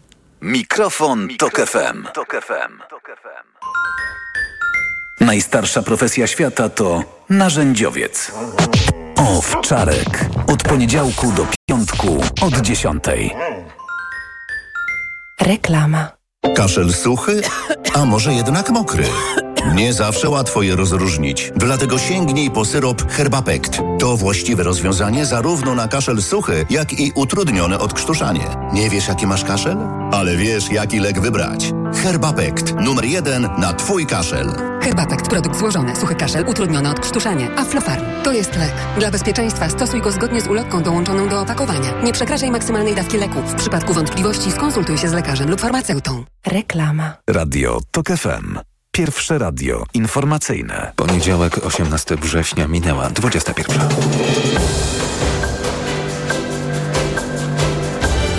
Informacje Tok FM. Marcin Grzebielucha.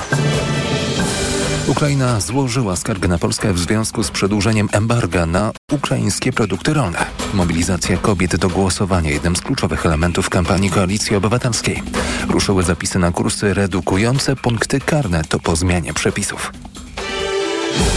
Ukraina złożyła skargę do Światowej Organizacji Handlu na Polskę, Węgry i Słowację w związku z przedłużeniem przez te kraje embarga na ukraińskie produkty rolne, o czym poinformował Reuters. Polska idzie na wojnę z Ukrainą i Unią Europejską, mówił wicemarszałek Senatu Michał Kamiński o imporcie ukraińskiego zboża. Chodzi o piątkową decyzję Komisji Europejskiej w sprawie zakazu wwozu ukraińskich produktów rolnych do pięciu krajów przyfrontowych. Obecny zakaz wygasł 15 września, komisja go nie przedłużyła. Polska, Węgry i Słowacja wprowadziły restrykcje na poziomie krajowym. Wicemarszałek Kamiński mówił w TOK FM, że po ośmiu latach rządu PiSu państwo polskie jest państwem, tu cytat, imposybilizmu. Imposybilizm państwa polskiego skazuje nas na wojnę z Ukrainą i z Europą w tak trudnych warunkach tylko dlatego, że urzędnicy państwa PiSu nie są w stanie dopilnować tego zboża, żeby ono po prostu normalnie przez Polskę przejeżdżało tak jak powinno, tranzytowo.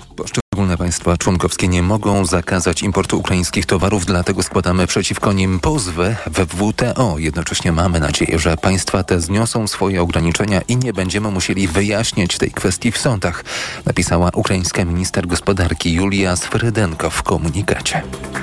Kobiety na wybory. Pod takim hasłem kandydatki Koalicji Obywatelskiej w nadchodzących wyborach parlamentarnych rozpoczęły ogólnopolską akcję w województwie śląskim. Monika Rosa informuje, że przez najbliższe dwa dni polityczki będą jeździć po regionie i zachęcać do udziału w wyborach. Domagamy się równej płacy za równą pracę. Domagamy się walki z przemocą domową i liberalnego prawa aborcyjnego. Mamy prawo do opieki okołoporodowej, do znieczulenia. Mamy prawo do antykoncepcji środków higienicznych. I o tym wszystkim chcemy mówić. Katarzyna Lubnauer podkreślała, że trzeba pamiętać o Marszu Miliona Serc. Najpierw widzimy się 1 października na marszu. Robimy to na dwa takty. 1 października, a potem 15 października. A ponieważ możemy zadecydować o wyniku wyborów, więc dziewczyny, kobiety, widzimy się wszystkie na wyborach i zabieramy całe rodziny. Gabriela Lenartowicz mówi wprost.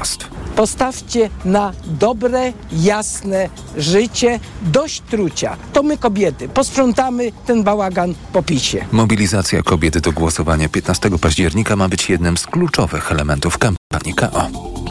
Podejrzani w sprawie nadawania sygnałów radiostop na kolei pozostają w areszcie, zażalenia obrońców są bezzasadne, uznał Sąd Okręgowy w Białymstoku i utrzymał areszt wobec 24 i 29-latka podejrzanych w sprawie dotyczącej nieuprawnionego nadawania sygnałów radiostop i zatrzymania w ten sposób pociągów, m.in. koło łap w Podlaskiem. Na początku września sąd rejonowy aresztował obu podejrzanych na wniosek prokuratury na trzy miesiące. Zatrzymanym postawiono po dwa zarzuty, grozi im do 8 lat więzienia.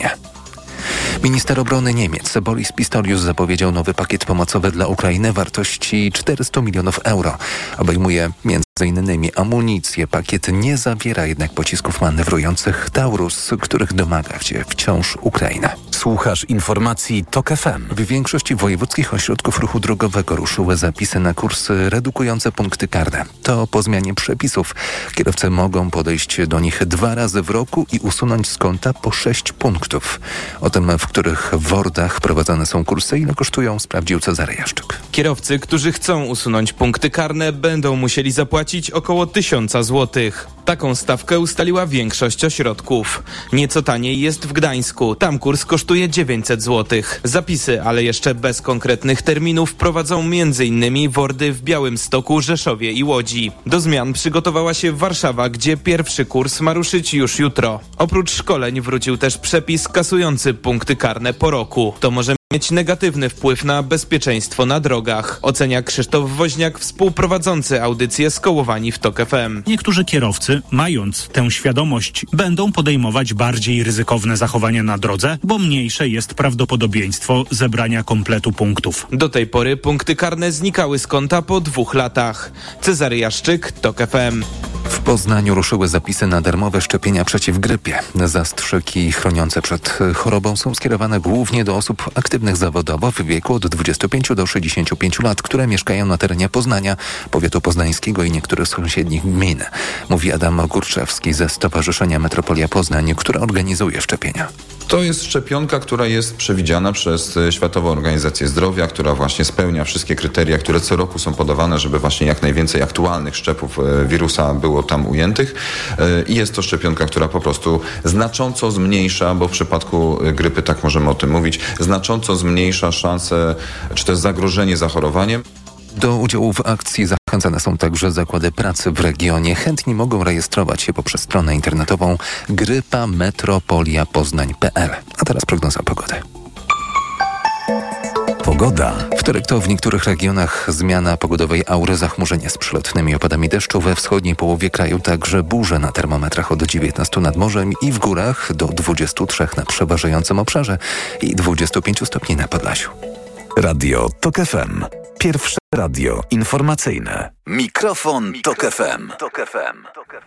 Druga część programu. Przy mikrofonie Małgorzata Wołczyńska. Program wydaje Karolina Kłaczyńska, realizuje Krzysztof Olesiewicz. Pytamy dzisiaj Państwa o to, jak według Państwa powinna wyglądać relacja państwo-kościół.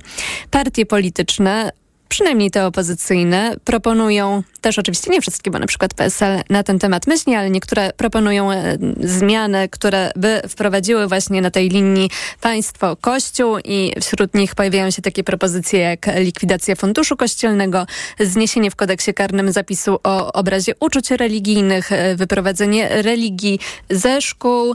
Pojawia się też propozycja, by ocena z religii została wykreślona ze świadectw szkolnych albo żeby religia w szkole była tylko na pierwszej lub ostatniej lekcji.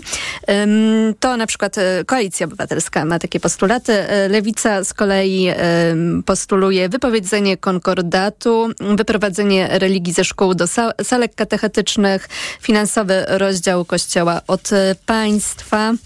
Tych propozycji akurat w przypadku e, lewicy jest sporo. Pojawia się też na przykład e, w ramach e, zapisów programowych bezwzględna walka z pedofilią. To tutaj w nawiązaniu do afer, które rozgrywają się w kościele właśnie. Czy też zniesienie przedawnienia przestępstw seksualnych wobec dzieci. Niedopuszczalna jest sytuacja, gdy pacjentce bezzasadnie odmawia się procedury medycznej czy wydania leku. Błędnie błędnie rozumiana wolność sumienia nie może ograniczać konstytucyjnego prawa do ochrony zdrowia. To, takie e, kilka, to takich kilka punktów, jeżeli chodzi właśnie o te postulaty mm, partii e, politycznych e, przed wyborami, a dotyczących tego, jak wyglądają te relacje na linii państwo-kościół.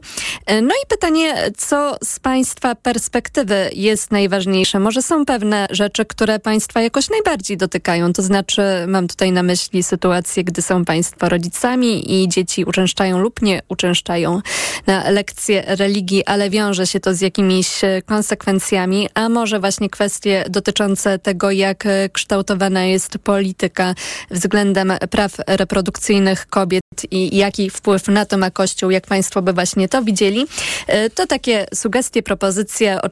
oczywiście czekamy na Państwa głosy i Państwa postulaty, a może też są takie osoby, które uważają, że nic nie należy zmienić w tej dziedzinie i wszystko jest tak, jak być powinno, bo jednak najwięcej osób wyznania katolickiego jest w Polsce, więc to, co obecnie ma miejsce, jest właśnie uzasadnione. 22 4 4 044 to jest nasz numer telefonu. Adres mailowy, na który można pisać to mikrofonmałpatok.fm. Można też zamieszczać komentarze y, pod postem z naszym dzisiejszym tematem na profilu Radio Tok FM. Tak na przykład uczynił pan Mariusz, który akurat odniósł się do kwestii religii, ale napisał, że, e, cytuję, myślę, że religia powinna z powodów logistycznych pozostać w szkole, chociaż katecheci powinni być opłacani przez Kościół katolicki, a uczestnictwo powinno być całkowicie dobrowolne i bez ocen. 22 44 044, a pod ten numer zadzwonił pan Waldemar z Zabrza. Dobry wieczór. Dobry wieczór. Panie Waldemarze, no i pytanie właśnie, co dla Pana byłoby istotne, chyba że jest wszystko tak, jak Pana zdaniem być powinno, jeżeli chodzi właśnie o te relacje państwo-kościół? Znaczy, ja uważam, że akurat yy, przytoczone propozycje partii opozycyjnych E, to są takie sprawy drugoplanowe, bo jeżeli chodzi o naukę dzieci w szkole, e, to zacząłbym od tematu, że należałoby zlikwidować e, z programu edukacji studia seminaryjne do, przeznaczone dla katechetów. Bo to są zupełnie niepotrzebne, wiadomo, bo jeżeli ktoś jest osobą duchowną, to powinna być ta osoba kompetentna do nauki, a nie, że kształci się osobno duchownych i jeszcze dodatkowo katechetów, bo, bo takie uczelnie też uzyskują dofinansowania państwa, tak? Czyli chciałby Pan pieniądze. likwidacji tego z tego względu, że e, te pieniądze na kształcenie e, ich, ich e, pochodzenie Panu nie odpowiada? Znaczy, no ja wiem, że, że to są po prostu yy, jakby podwójny kierunek, prawda? Bo kate, yy, katecheta i, i, duchowny to są dwie osobne osoby. I można być katechetą, skończyć studia yy, w tym kierunku i nie być duchownym. No to jest taki nonsens. Mhm. I to dla Pana jest najważniejsze właśnie, jeżeli chodzi o te kwestie dotyczące e, tego, jak wyglądają relacje między e, państwem polskim a Kościołem obecnie? Znaczy nie, najważniejsze to myślę to, że jeżeli e, Kościół, e, w ogóle Kościół powinien w Polsce e, mieć swoją własną partię polityczną, a nie tak, że, że, że tutaj wszyscy dochodzimy do wniosku, że, że, w, że za Kościołem stoi jedna partia w tym momencie i jest to PiS, no bo jest to zupełnie w ogóle fałszowanie rzeczywistości, tak? Czyli No uważa to- pan, że Kościół powinien mieć partię polityczną, a nie, że Kościół nie powinien mieszać się w politykę? Nie, no ja uważam, że w ogóle e, no nieprawidłową sytuacją jest, że PiS stawia się jako partia, k- która wspiera Kościół i w ogóle, no jeżeli Kościół chce być wspierany politycznie, to powinien mieć własną partię i w Europie e, mamy, ma- jest mnóstwo takich e, partii religijnych, chadecji i tym podobnych, które są też w Parlamencie Europejskim. No a Polska jest taką posłuchą, jeżeli chodzi o, o, o tego typu, no ale to na pewno nie powinno być tak, nie powinien być PiS łączony z Kościołem. A czy będzie pan brał pod uwagę, e, gdy, jeżeli będzie pan głosował, e, to to, co partie polityczne mają do powiedzenia w temacie em, Kościoła w Polsce? No, y, propozycje lewicy są zbyt skrajne, ale no, jest coś do zrobienia, e, pewne reformy w tej sprawie. No ale teraz taka e, gra, gra tym kościołem, no w tym momencie e, no lewica jakby się kompromituje, ponieważ e, w obecnym systemie e, no nie da się zlikwidować funduszu kościelnego, nie da się zlikwidować, e, bo ponieważ Kościół e, tak naprawdę wspiera samorządy, na przykład w pomocy ubogim, no i nie da się tego A jeżeli chodzi, o, zlikwidować. jeżeli chodzi o Fundusz Kościelny, to również Koalicja Obywatelska i e, Polska 2050 jest za likwidacją Funduszu Kościelnego, więc to akurat e, nie tylko Lewica. No tak, ale no w tym e, ekosystemie pomocy społecznej, jaki mamy przynajmniej u mnie w mieście, no to Kościół jakby z tego funduszu kościelnego również, jakby on bierze połowę odpowiedzialności za pomoc osobom e, potrzebującym, To tak? znaczy, jak to u pana wygląda? No tak jak pani powiedziałem, że połowę odpowiedzialności bierze Kościół i to jest taki ekosystem. Bardzo ogólnikowo to brzmi, gdyby pan jakoś bardziej konkretnie e, tutaj e, określił, no, na, na opowiedział. przykład jeżeli chodzi o kościół, to jako budynki, jako nieruchomości są na przykład najlepiej przystosowane i to jest już długa, długa tradycja pomocy żywnościowej ze strony kościoła, bo stołówki socjalne, które najlepiej funkcjonują są e, w nieruchomościach kościoła. Rozumiem. Czyli w takim razie, ale czy jeżeli w takim razie tutaj też już bez wchodzenia w szczegóły, ale to jeżeli jest pan y, przeciwko likwidacji Funduszu Kościelnego, to będzie pan brał to pod uwagę przy y, swoich y, wyborach politycznych, gdy będzie pan głosował, będzie pan patrzył właśnie co, która partia proponuje w tym temacie? Nie, no ja myślę, że, że, że, że, te propozycje właśnie są w ogóle abstrakcyjne, ponieważ tego nie da zlikwidować, bo to jest cały ekosystem, który w niektórych przypadkach trwa od setek lat Czyli i to jest w ogóle niemożliwe. uważa pan, że to są swego rodzaju takie obietnice, które potem nie zostaną zrealizowane. Dobrze rozumiem? Tak, tak, tak właśnie uważam. Panie Waldemarze, bardzo dziękujemy, że pan do nas zadzwonił. Był z nami pan Waldemar z Zabrza, 22 44 044, a teraz e, przemieszczamy się do Lublina, do Kośminka, gdzie jest pan Janusz. Dobry wieczór. Kłaniam się nisko. Pani z redakcji szy- szybka piłka. Kościół pomaga ubogim i niepełnosprawnym nie ze swoich pieniędzy, tylko z naszych pieniędzy, które dostaje w ramach dotacji, na przykład od samorządów i od państwa.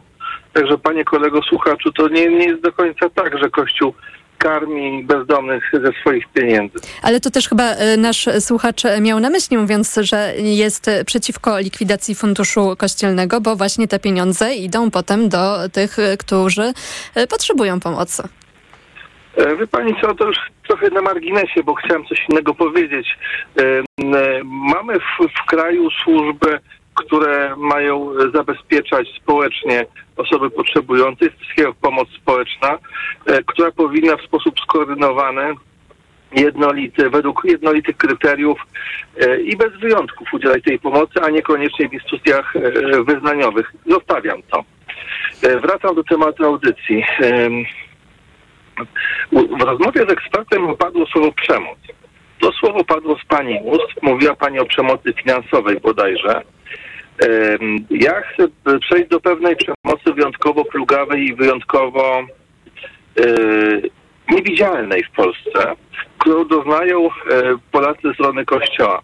Mianowicie proboszczowie wiejscy są panami życia i śmierci mieszkańców, ponieważ 90% polskich cmentarzy to są cmentarze komunalne w zarządzie parafii. Tak więc osoba starsza mieszkająca na wsi, ktokolwiek umiera w jakiejś małej gminie czy wiosce, nie ma cmentarza komunalnego obsługiwanego przez gminę, ma cmentarz obsługiwany przez proboszcza. W związku z tym u osób starszych, szczególnie schorowanych na terenach wiejskich, jest takie przekonanie, że ich uległość wobec kościoła, proboszcza, księdza przełoży się na to, że w ogóle będzie miał miejsce pochówku. Że ten pochówek będzie w jakiejś umiarkowanej cenie, a nie wziętej z kosmosu.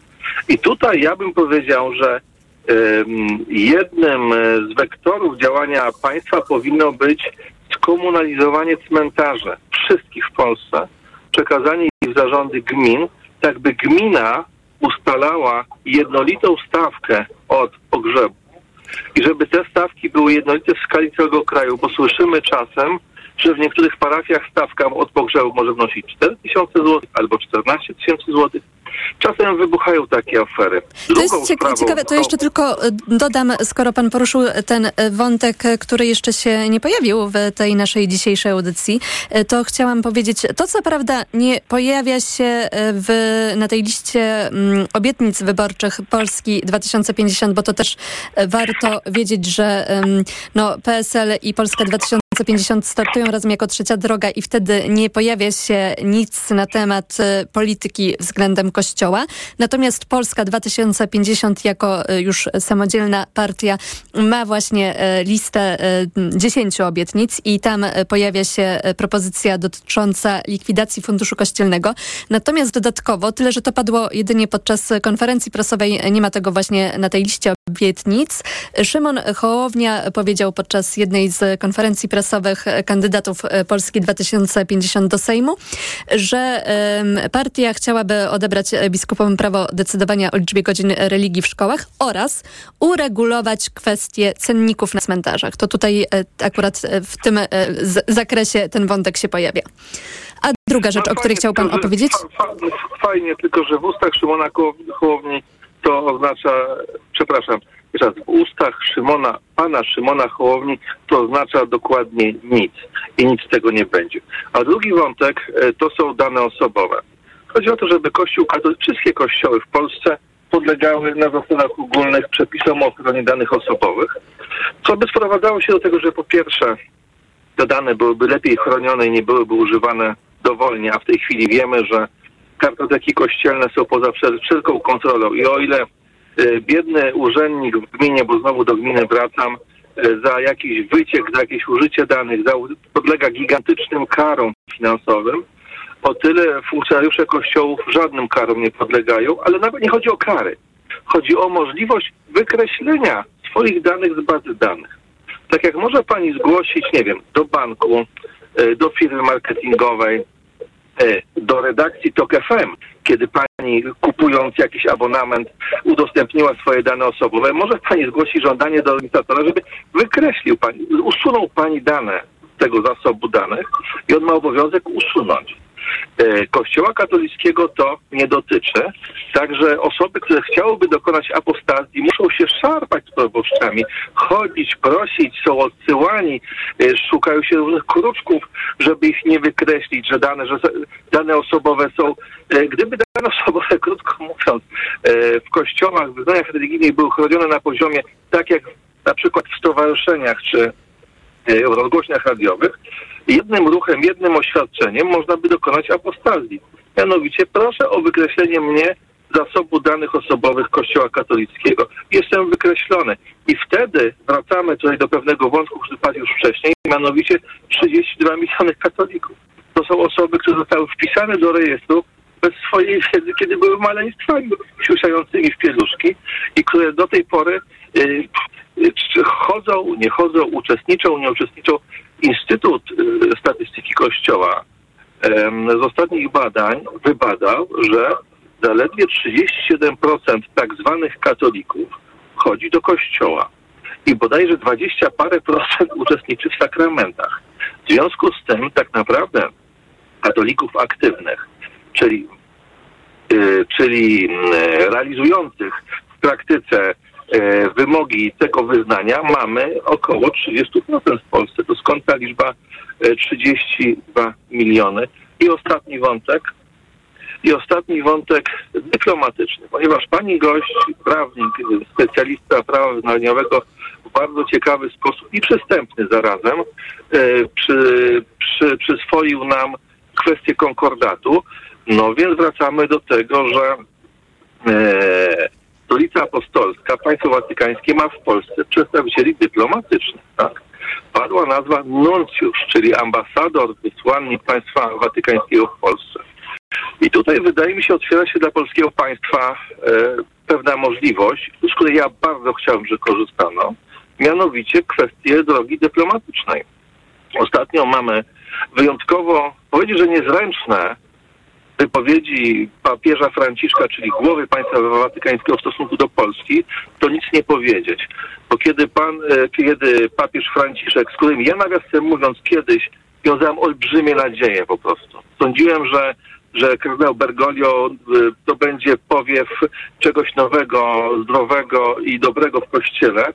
Kiedy kardynał Ber- Bergoglio, obecnie Franciszek, wychwala imperializm rosyjski, ja uważam, że w tym miejscu powinna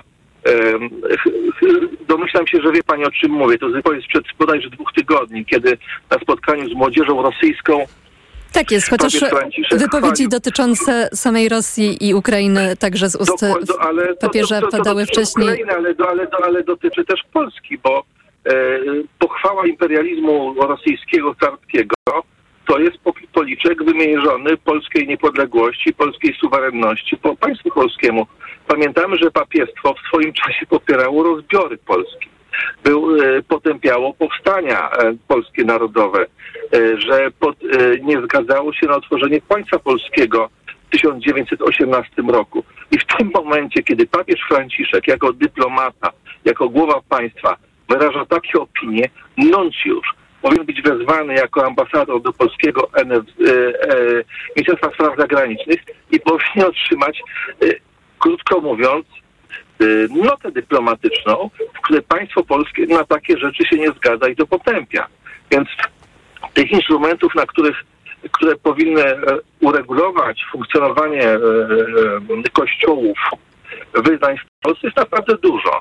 I tu nie trzeba e, rozwiązywać konkordatu, e, żeby pewne rzeczy uregulować. Tak jest, to też nasz będzie- gość będzie- o tym będzie- powiedział, że wiele kwestii... będzie gwałto, gwałto, gwałtowny opór. Proszę pani, konkordat to jest tylko maska. Religia w szkołach to jest tylko maska. Proszę ruszyć dochód kościoła z grzebania e, na wiejskich cmentarzach. To jest największe źródło dochodu kościoła katolickiego w Polsce. I oczywiście to jest nie- niewidzialny problem. Tak? On jest widzialny dopiero wtedy, kiedy jakiś nasz starszy krewny martwi się, czy rodzinę będzie stać na zapłacenie księdzu proboszczowi za miejsce na cmentarzu. Jeżeli, i proszę sobie wyobrazić, ja sobie wyobrażam furię i skalę oporu polskich biskupów, jeżeli zaproponujemy prostą rzecz, żeby wszystkie cmentarze w Polsce przeszły pod zarząd komunalny, żeby gminy wyznaczały stawki grzebania na cmentarzach, nawet nie gminy powierzają to później parafiom, jeżeli nie są w stanie obsłużyć, ale żeby stawka e, za pogrzeb wynosiła półtora tysiąca złotych, może dwa tysiące złotych, co w warunkach wiejskich jest ogromną kwotą, a nie 4, 14 czy dowolną inną kwotę. No kłaniam się z tego mojego kośminka, bo gadam chyba już 15 minut i może jeszcze jakiś jeden słuchacz wskoczy. Na szczęście... Tak na właśnie będzie, panie Januszu. Na Kośminku wszystko dobrze. Pozdrawiam z Kośminka, kłaniam się i do usłyszenia następnym razem. Był z nami pan Janusz, jeszcze jeden słuchacz rzeczywiście wskoczy, jak to określił pan Janusz. Pan Wojtek z Zabrze jest teraz z nami. Dobry wieczór. Dobry wieczór. Panie Wojtku, to pan na koniec, więc nie wiem, czy chciałby pan jakoś podsumować, czy bardziej e, podzielić się tym, co według pana, jeżeli pana zdaniem coś powinno się zmienić w tych relacjach pomiędzy państwem a kościołem, to od czego by pan zaczął?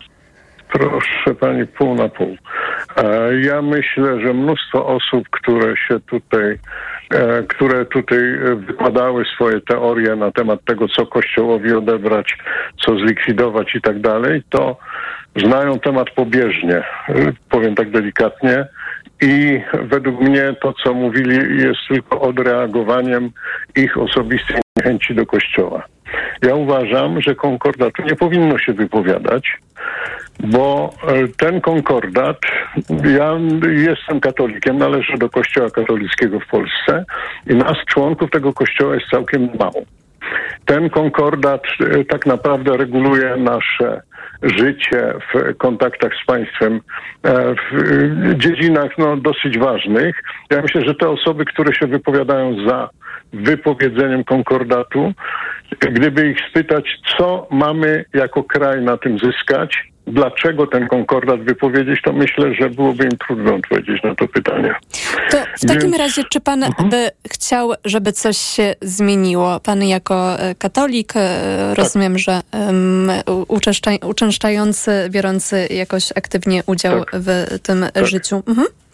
Tak, nawiasem mówiąc, nawiasem mówiąc, uważam za niewłaściwe rozliczanie katolików, kto jak często chodzi do kościoła, jak często przystępuje do sakramentów, bo jakby nie ma takiego rozliczania w drugą stronę. Kto, jeśli popiera partię X albo Y, jakby wpisuje się e, w całości w ich program. Natomiast ja uważam, że zmiany są potrzebne, ale przede wszystkim w samym kościele.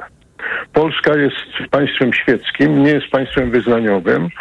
E, natomiast w niektórych miejscach e, Kościół jest wykorzystywany instrumentalnie przez polityków. Oni mają tutaj duże zbiorowisko ludzi, e, więc prosto jest na przykład prezesowi Polski wejść na ambonę w jakimś kościele, gdzie, gdzie proboszcz tak czy inaczej zostanie do tego przekonany i opowiadać swoje dyrdymały. I, i bo, bo ma za darmo zgromadzony tłum ludzi. Ja myślę, że zmiana powinna polegać na tym, że mój kościół nie powinien na to pozwalać. A jak, co powinno się zadziać Pana zdaniem, żeby do takiej zmiany w takim razie doszło?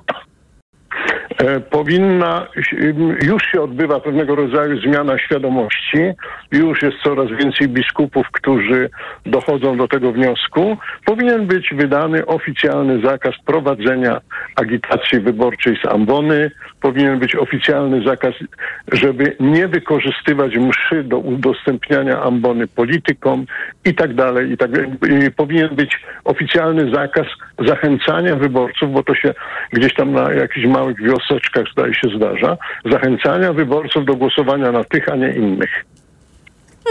To taki, to powinien, to powinien być zakaz ze strony kościoła. Ja rozumiem, że e, wtedy ten czy ów, nie wiem, czy hierarcha, czy proboszcz nie zrobi jakiegoś tam geszefciku z e, lokalną władzą, ale on być może jakoś tam prywatnie na tym zyska, ale my jako Kościół na tym tracimy. Kościół trwoni swój autorytet. Kościół sam obniża swoją pozycję przez to, że y, udziela miejsca na takie eventy. Panie Wojtku, bardzo dziękujemy. Tutaj pan jeszcze poruszył właśnie wątki związane też z kampanią wyborczą, bo przy okazji tego, że zbliżają się wybory i partie mm, proponują, partie opozycyjne, niektóre swoje rozwiązania, czy też zmiany, które powinno się na polu państwo, mm, kościół wprowadzić. Przy tej okazji właśnie dzisiaj dyskutowaliśmy. Naszym gościem, jeszcze przypomnę, na początku był profesor Paweł Borecki z Zakładu Prawa Wyznaniowego Uniwersytetu Warszawskiego i on trochę wyjaśnił, na czym te wszystkie regulacje obecnie polegają, co jest gdzie zawarte i zapisane, co można by było zmienić, jeżeli chodzi właśnie o relacje państwo-kościół, a co byłoby trudno ruszyć, by takich zmian dokonać. Program wydawała Karolina Kłaczyńska, a realizował Krzysztof Olesiewicz. Już za chwilę książka na głos. Książka Richarda Osmana Człowiek, który umarł dwa razy, czyta Filip Kosior. O 22 informacje, na które zaprasza Marcin Grzeblucha, a ja nazywam się Małgorzata Wołczyńska i życzę Państwu spokojnego wieczoru.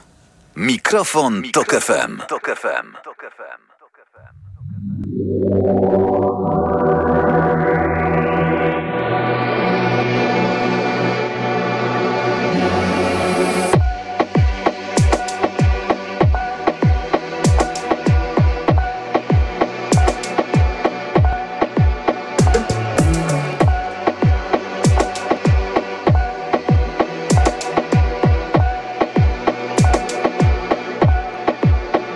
Ona pisze mi, że tęskni.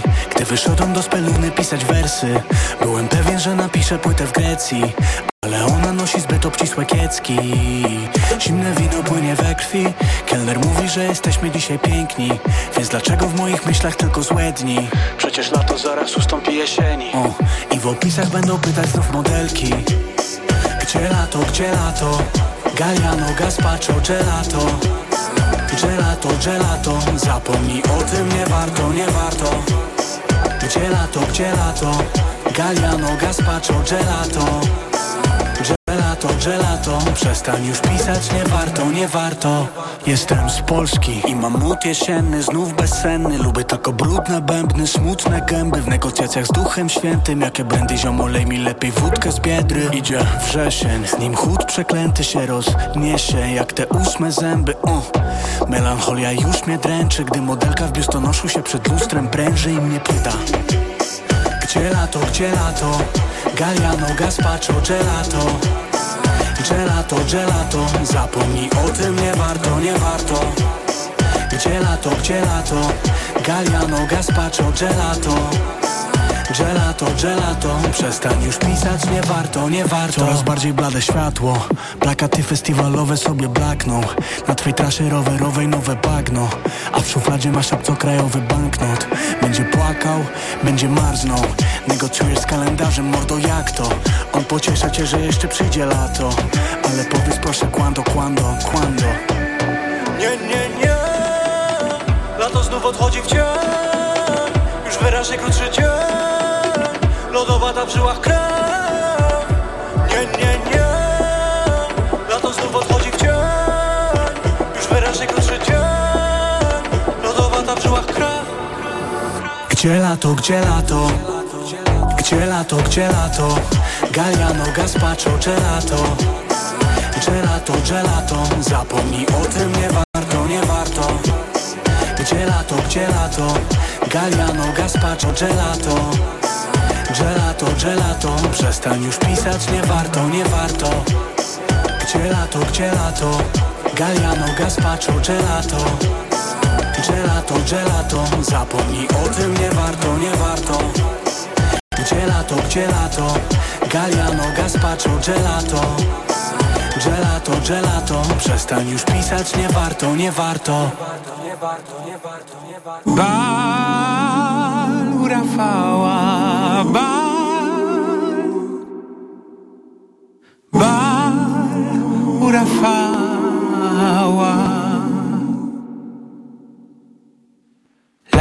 Latawica, ladacznica I nie dało się tak żyć.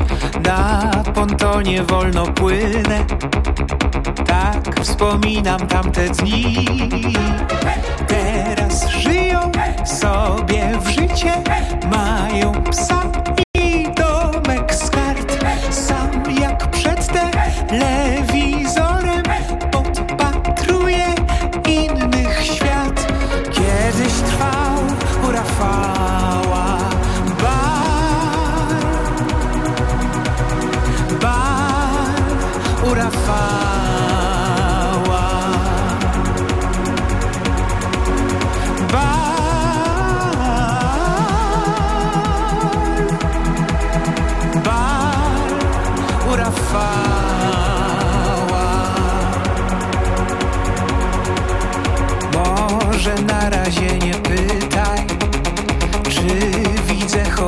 zmian. Teraz tylko sobie I wspominam w kółko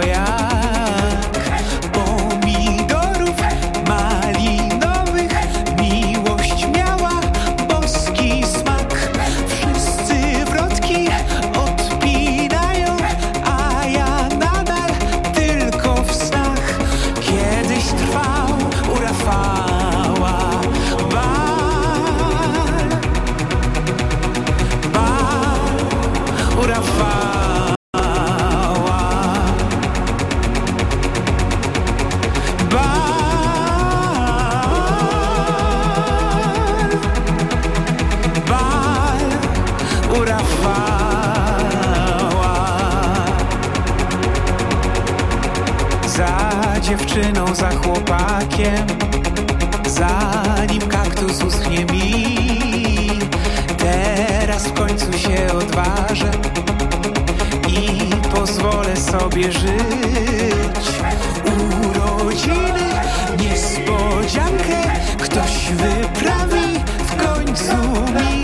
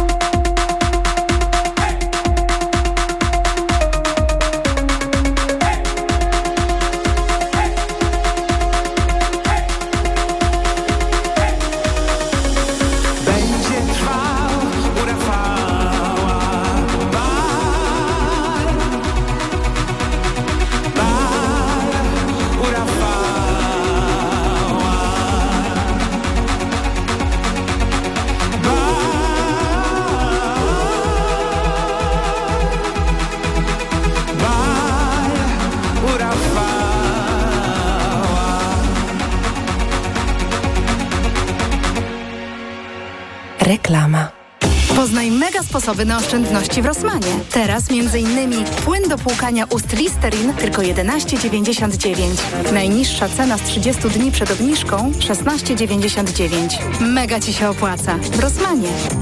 Reklama. Książka na głos.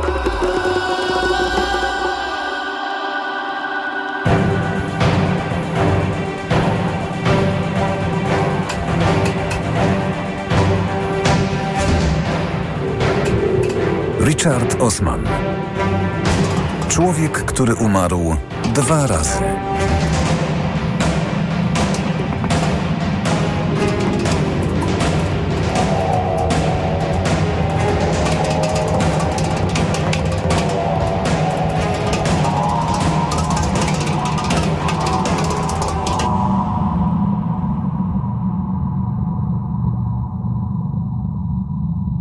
Przekonajmy się, co potrafi Elizabeth Best.